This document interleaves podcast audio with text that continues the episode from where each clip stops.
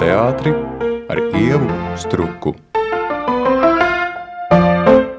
Mana sarunu biedre šodien ir uh, Leļu teātra aktrise Dace Vītola.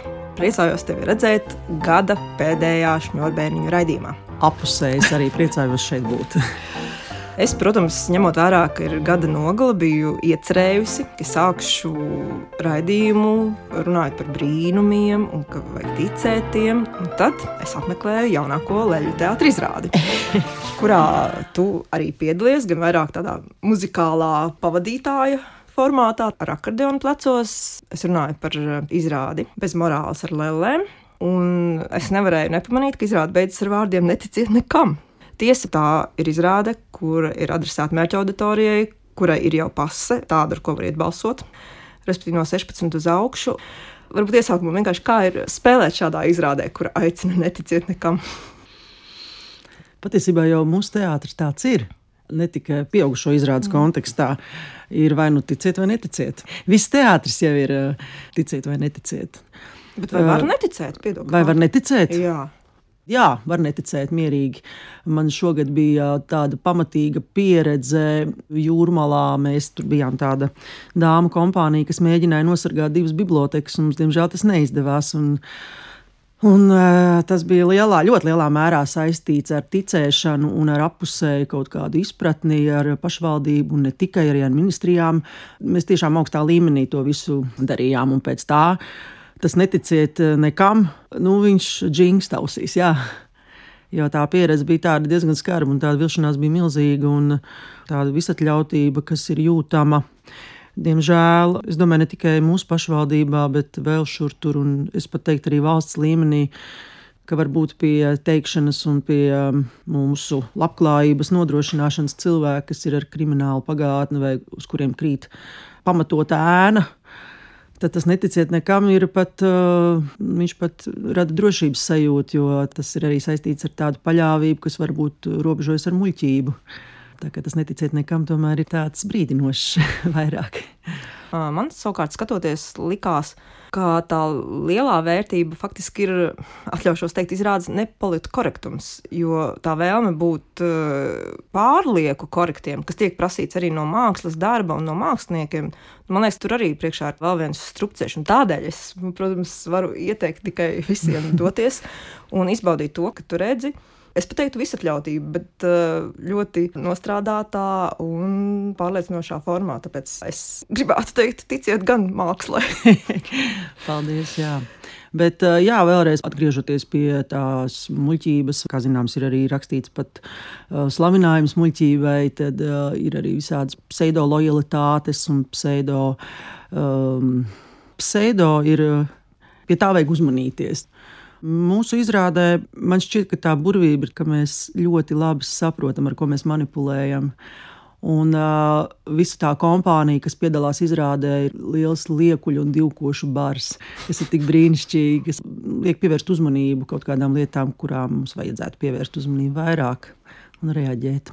Bet atcerieties, te mēs tiekam līdz leģu teātras specifikai. Jo, ja mēs runātu par kādu citu teātru izrādi, tad noteikti pie frāzes izrādē piedalās liels liekuļu bars liktos, ka viennozīmīgi runa par aktieriem, bet mēs runājam par tēliem, kas ir uz skatuves. Tātad jau es pieminēju akordeonu, kuru spēlē un arī dziedi. Man liekas, nemaz ne tik bieži ir tā situācija, kad aktieris atrodas uz skatuves. Viņš ir iekšā izrādē, un vienlaikus viņš nav, jo viņš ir nu, mūziķis šajā konkrētā gadījumā, kurš atrodas it kā malā un redz gan norisi, un ir tajā, bet viņš redz arī publiku. Izrāda ir jauna, to nav bijis līdz šim daudz, bet tajā pašā laikā kādu tu redzi to publiku? Jo man liekas, šī ir mazliet cita jā, publika. Es redzu publiku, protams. Tādu es arī publiku redzu, kas saprot, par ko ir runa. Un kas drusku kautrējas, bet ir priecīgi, ka viņi var nekautrēties, reaģēt uz to, kas notiek uz skatuves, uz to absurdu un uz to, uz to stulbumu. Tas jau ir tāds sabiedrības spogulis, pamatīgs mūsu izrāde. Es nesen biju uz vienu brīnišķīgu filmu, kur režisoram sekoja līdzi jau no viņa pirmās filmas. Es biju skumju trīs stūri, kas man liekas arī ir eh, tāds ļoti skaists sabiedrības spogulis sēdi un skaties tādā milzīgā spogulī tumsā. Tad šeit ir tas pats. Eh, skatītāji ir paslēpti tādā vieglā krēslā, un tad viņi var atļauties izlaist caur sevi to stulbumu, ja tā drīkst teikt. šņurvēniņi. Vai tev sanāk piefiksēt to brīdi, kad tavs skatītājs iekšēji pretojas tam, ko viņš redz, jo viņš, nu, viņš uzskata sevi par pieaugušu. Un īstenībā man liekas, bērni ļoti ātri sevi sāk uzskatīt par pieaugušiem, ka leģitāts tā kā uz viņu neatiecas. Un vai tu jūti to brīdi un to robežu, ka, teiksim, zālē ir kāds, kurš uzskata, nu, tas vairs nav viņam adresēts? Tas atkarīgs no publikas. Ja ir publika apmēram viena vecuma, tā izrāda tomēr tajā brīdī dzīvo atbilstoši tam vecumam, kas sēž zālē. Kaut vai mazu bērnu izrādi mēs spēlējam 3. vai 4. klasē, mēs viņu spēlējam drusku citādāk nekā bērns pirmajai grupiņai, ir citi akcenti. Pirmais, kas ienāk prātā, ir kiosks, uz kuru bija man paziņas, un teica, vai var ņemt līdzi tur 11 gadnieku. Nu, es teicu, lai pamēģina. Un 11 gadnieks bija sajūsmā, un tas, protams, ļoti iepriecina. Nevajag baidīties. ka rādīs viss ar pirkstiem uz tevi, ka tāds pusaudzis nāk un kaut ko skatās, kas it kā viņam nav piemērots. Tas drīzāk varētu būt saistīts ar to, kā tā informācija tiek nodota tam pusaudzim, kā nonāk līdz viņam tas, kas viņam būtu ieteicams pat nevis ieteicams, bet uh, nebūtu par skādi, vai kāpēc nē, drīzāk tā.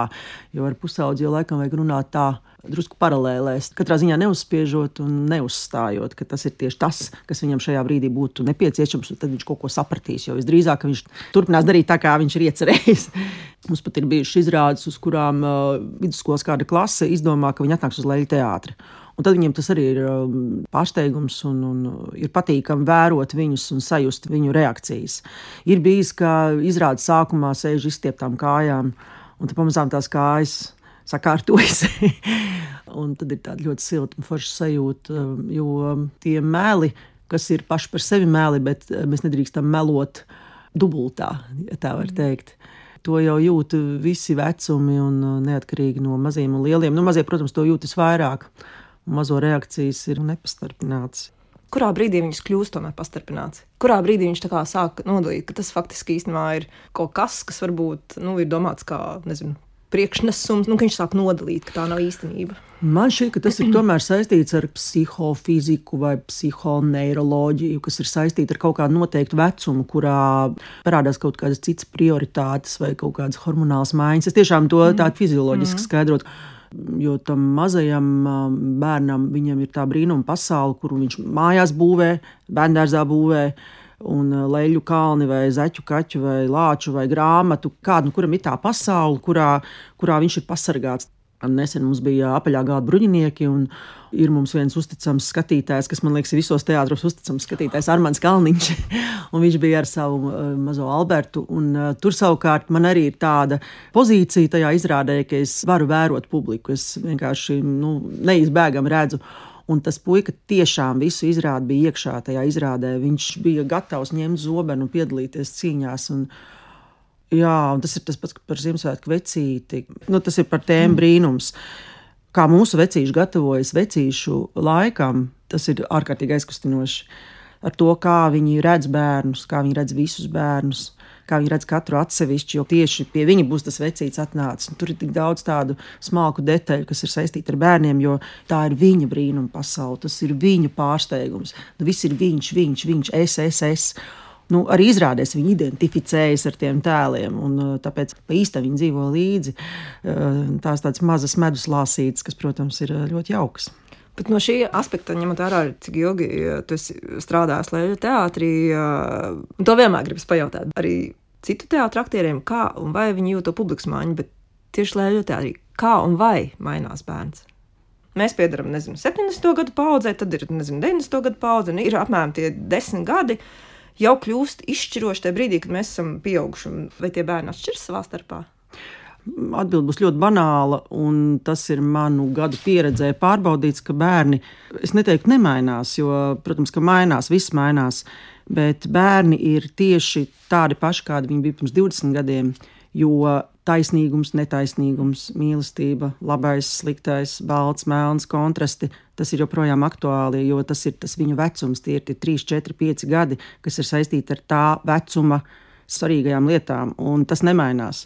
Atnāk divgadnieks, viņš redz lampu, atnāk trīsgadnieks, viņš sāk redzēt formas, atnāk četrgadnieks, viņš sāk atšķirt mēlus no patiesības. Tur katram vecumam ir sava specifika, kas, kas nav saistīts ar kaut kādām globālajām perifērijām vai kaut kādām attīstībām. Vai viņš atnāk ar to savu vietālu runīt, viņš viņu noliek, viņš ir iekšā tajā stāstā. Jo, jo tāpat vai nu viņam mājās klājas labi vai slikti, vai viņam skolā klājas labi vai slikti to jau visu var redzēt, kā viņš reaģē, un viņš ieraug to savu stāstu tajā izrādē. Bet pēc tam domā, kas tad maina to piedarību paudzē? Tiešām skola, un tālāk jau izveidojas tas, ka viens pieder vienai paudzei, otrs otrai, ja bērni teiksim, ir ļoti, ļoti līdzīgi. Es teiktu, ka vairāk tas ir saistīts liekas, ar vecākiem, kas arī kādreiz ir bijuši bērni. Tas ir tas interesantākais. Un tas noteikti ir saistīts ar tehnoloģijām, tas noteikti ir saistīts ar ar patērētāju kultu, kas, kas kā sniega bumba veļas un veļas un veļas, un uh, kur tiek visas paudzes cilvēki pārsātināti gan ar informāciju, gan ar tehnoloģijām, tad tas ir lielā mērā atkarīgs no ģimenes. Tāpat kā pirms 20 gadiem, pirmajā rindā sēž divi sveši bērni, viņš var izrādes laikā pēkšņi otram pateikt, bet tas tur suns, kaķis vai, vai vienalga kāds tēls, viņš dara nepareizi, vai, vai paprasīt, tev ir māsa vai brālis, vai kā sauc tavu suni, vai jebkāds tāds jautājums, kas liecina par to, ka mēs visi esam cilvēki. Tā ļoti vienkārši izsakoties. Mēs jau varam barot viņus ar ar jebko, un mēs arī to darām, jo mums pašiem arī ir interesanti, protams, mainīt un piemeklēt tehnoloģijas vai izmantot video projekcijas nu, pašiem attīstīties. Mm. Katra izrāde jau atnes kaut ko jaunu, arī uh, leļu tehnikas ziņā. Bet, jebkurā gadījumā, kamēr cilvēks nav kļuvis par aitu, moliju vai kā viņu sauc, doliju, tikmēr ir tās lietas, kas ir saistītas ar emocionālo pasauli un ar līdzjūšanu vai ar empātiju. Nu, to nevar vienkārši izslēgt, tad ir jāizslēdz pasaule. Jā, es negribētu teikt, ka bērni mainās, jo tas izklausītos bīstami. Jā. Bet runājot par bērniem un leļu teātriem izrādēm, nu, piemēram, kad es kā pieaugušais tur aizēju, pat ja eju kādam līdzi, nu, man jau ir kaut kādi savi profesionāli kriteriji, kā es vērtēju to, ko es redzu. Vai man šī izrāde liekas labāka nekā tā izrāde un otrādi. Bet kas ir tie kriteriji vērtējumam, kad skatās bērns? Ja tas ir tikai patīk, nepatīk līmenī, kā ir? Man pirmais, kas ienāk prātā, kad beidz to teikumu ar patīk, nepatīk, ka uh, visbiežāk, diemžēl, bērniem tiek uzdots jautājums, kā tev patika vai kas tev mm. patika. Ja noformulētu jautājumu, ko tu redzēji vai kas tur bija, tad iespējams mēs saņemtu drusku citu informāciju un garāku stāstu par to, ko viņš ir redzējis, vai ko viņš nav redzējis, vai ko viņš ir piedzīvojis. Visam ir jābūt proporcionāli līdzsvarotam, vizuālajam, dramaturgijai, aktieru darbam un, un, un uh, stāstam, garumam, gaismām. Nu, ja, ja viss aiziet tādā vienā skaistā, tādā sniega bumbā, ko pakrat, mm. tad vajadzētu būt labi. Ienāca nu pat prātā par uh, spēļu nakti. Bērnu žūrija bija arī, protams, uz mūsu katliņa pauri, un bija ļoti labs atsauksmes. Mēs jau drusku berzējām rokas. Bet visiem par lielu pārsteigumu dabūja pavasaris. Man tas nepārsteidza, jo tur ir šīs proporcijas labas. Uh, Es uh, publiski izsaku milzīgu prieku un nolieku galvu, ne gluži, bet tā, tādu visu cieņu subatnieka puikam ļoti, ļoti. Un es domāju, ka bērnu žūrija, jā, tur ir bērni, un viņi arī tā, viņi arī vērtē. Tā kā cīm redzot, tur viss bija kaut gan izrāda gara. Tur viss bija pareizi. Arī skatu bija forši ar tiem soliem, kas uh, aug līdzi mazumā bērniem. Tas ir tāds zināms paņēmiens, bet tas ļoti bija vietā šoreiz. Arī zināms paņēmienus vajag izmantot īstajā brīdī, īstajā laikā, tad tas var strādāt. Ir kādreiz zinām paņēmieni, kurus, oh, to mēs zinām, ka tas strādā, bet ieliekot nepareizajā zupā to piparu, var izsabojāt. Jūs klausāties raidījuma šņurbēniņa ar leļu teātra aktrisi Daci Vīto sarunājas Ieva Struka.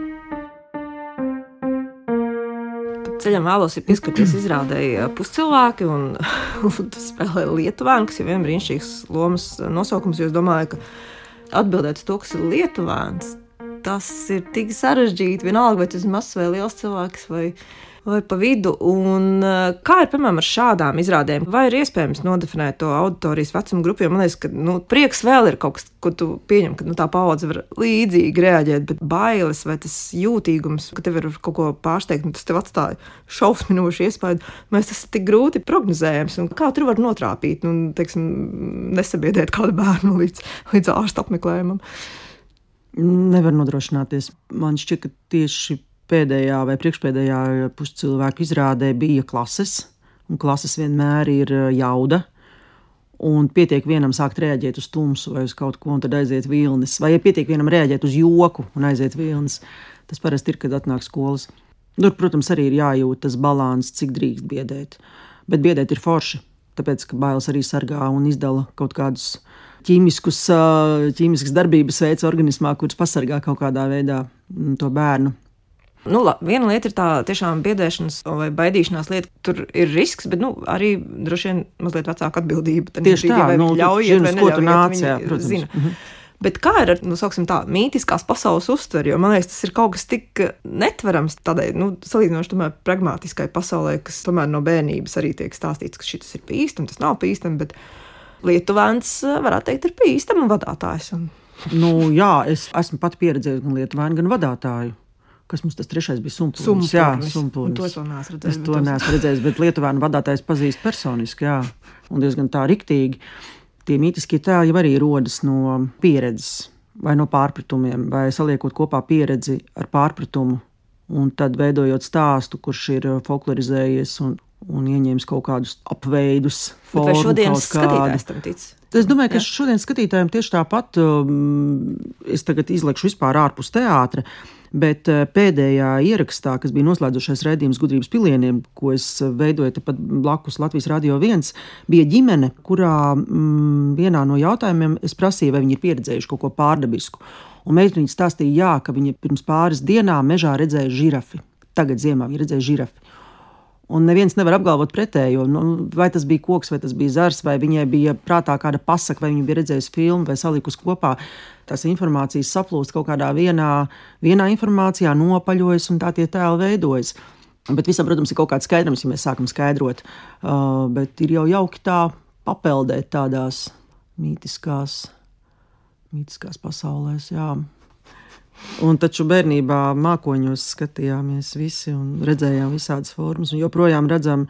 Un tāpat ir vai par zibeni, par dabas parādībām. Nu, protams, ar katru nākamo paudzi nāk klāt zināšanas, bet tā atsvešināšanās, ļaušanās.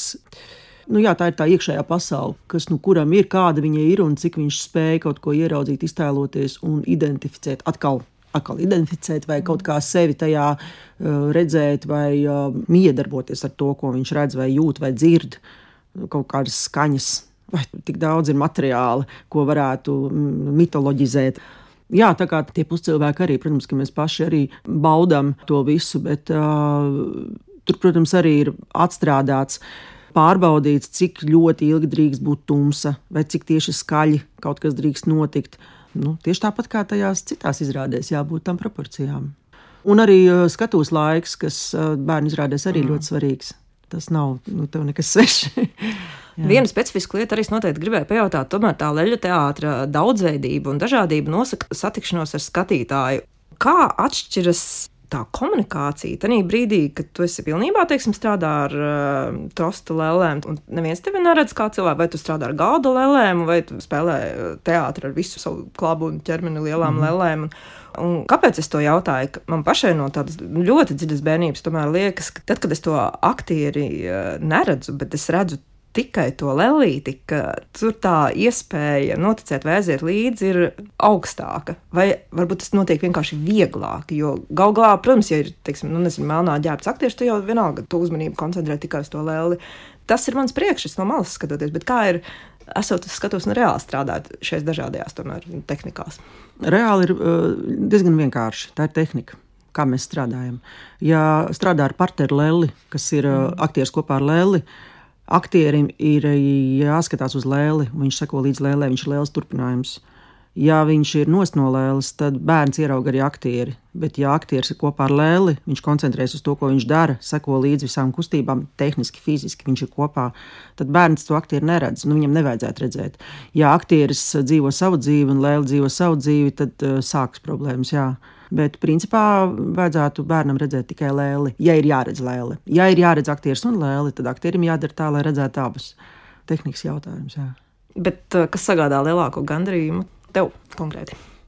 Man ļoti patīk trostu izrādes, bet man arī patīk dzīvā plāna izrādes, protams. Tuntuļu jūrīts, piemēram, vai uh, kazlēns, kas prot skaitīt līdz desmit. Nu, tuntuļu jūrītī, piemēram, mums tur ir tādi mazi, mazi visādi auglīši un dārzenīši, bet mēs tāpat ar viņiem tur uķi puķi taisam ar uz viņiem koncentrējoties. Arī tad, kad es esmu stāstnieks, es vienā brīdī izēju no tā dzirnavnieka vai tā naktsvaktnieki vai kas nu, man tur ir, tur Kronenbergs, ko ir uzrakstījis. Un tad es nākamajā mirklī esmu apakaļ iekšā tajā sīpoliņā vai ķirbītī. Un tas bērns ir arī kopā ar mani tajā ķirbītī. Abi ir forši. Tas ir atkarīgs no izrādes vispār, cik man tā izrāde ir mīļa vai. Vai mums drusku mazāk mīļa? Tā galīgi nemīļa nevar būt, jo tad jau nu, tas nav īsti profesionāli. Nē, nu varbūt nemīļi, bet tas ir nu, visos jā. teātros. Ir, ka izrādās, ka liekas, ka varētu viņus ņemt nost.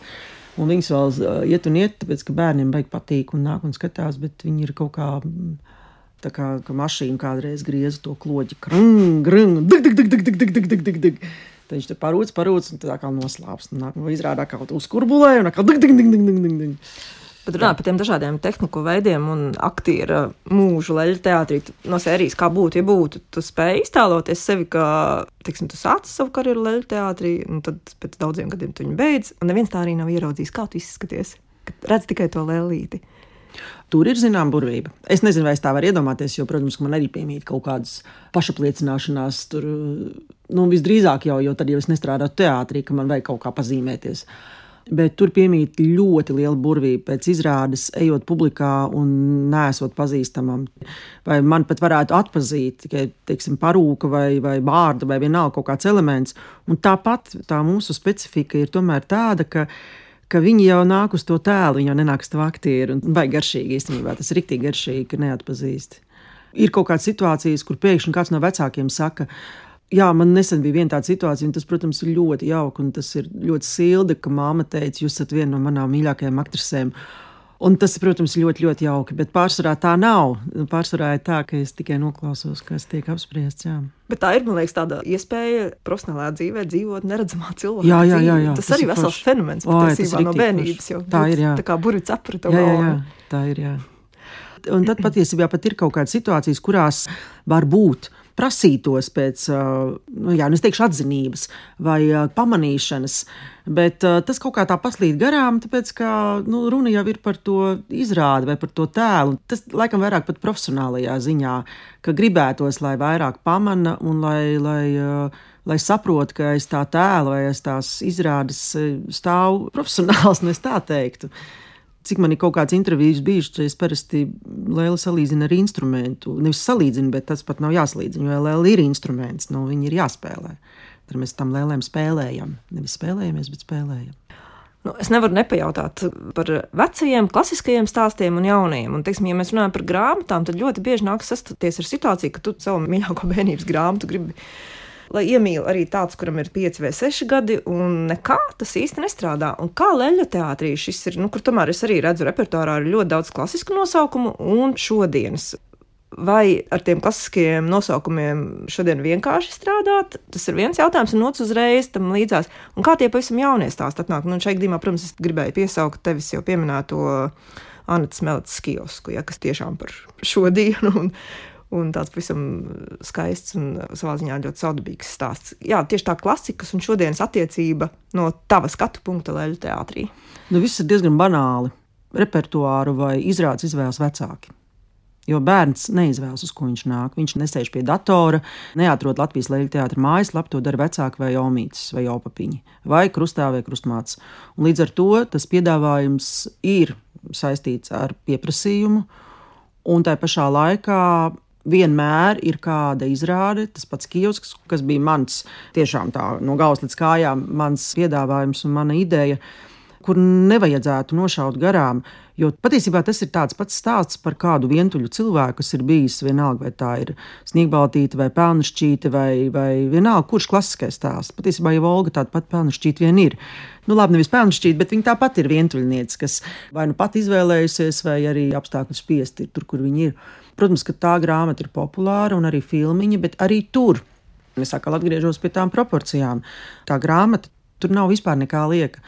Tur ir uh, ļoti īsi, precīzi stāsti, un katrā stāstā ir uh, neliela, bet ļoti, ļoti nepieciešama ironijas deva, kas uh, vispār padara cilvēku par cilvēku, ka viņš apzinās, kas ar viņu notiek, vai kur viņš kļūdās, vai viņš var par sevi pasmaidīt.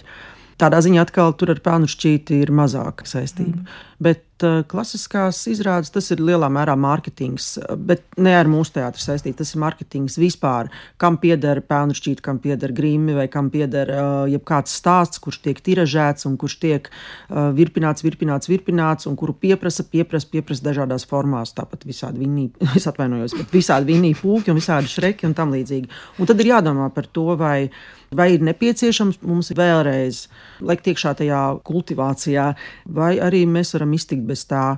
Bet tāda konkrēta pēnuršķīte un sniegbaltīte, kas mums ir bijušas, tās ir klasiskās leļu izrādes, un tās tiešām ir ļoti skaistas, ļoti skaistas izrādes. Tās ir tīrās trošu izrādes ar skaistu mūziku, un tam ir atkal tā sava burvība. Tas ir kā skatīties multeni, nezinu, 5, 6, 7 D. Mm. Bērns atnāk uz teātri, viņš redz dzīvu stāstu, kur viņš jūt paralēlu smaržu un, un uh, redz telpiski. Nu, būtībā to varētu saukt par kino, bet kas nekādā gadījumā nav kino. Viņš atnāk uz bildi, kas ir dzīva un kas ir telpiska.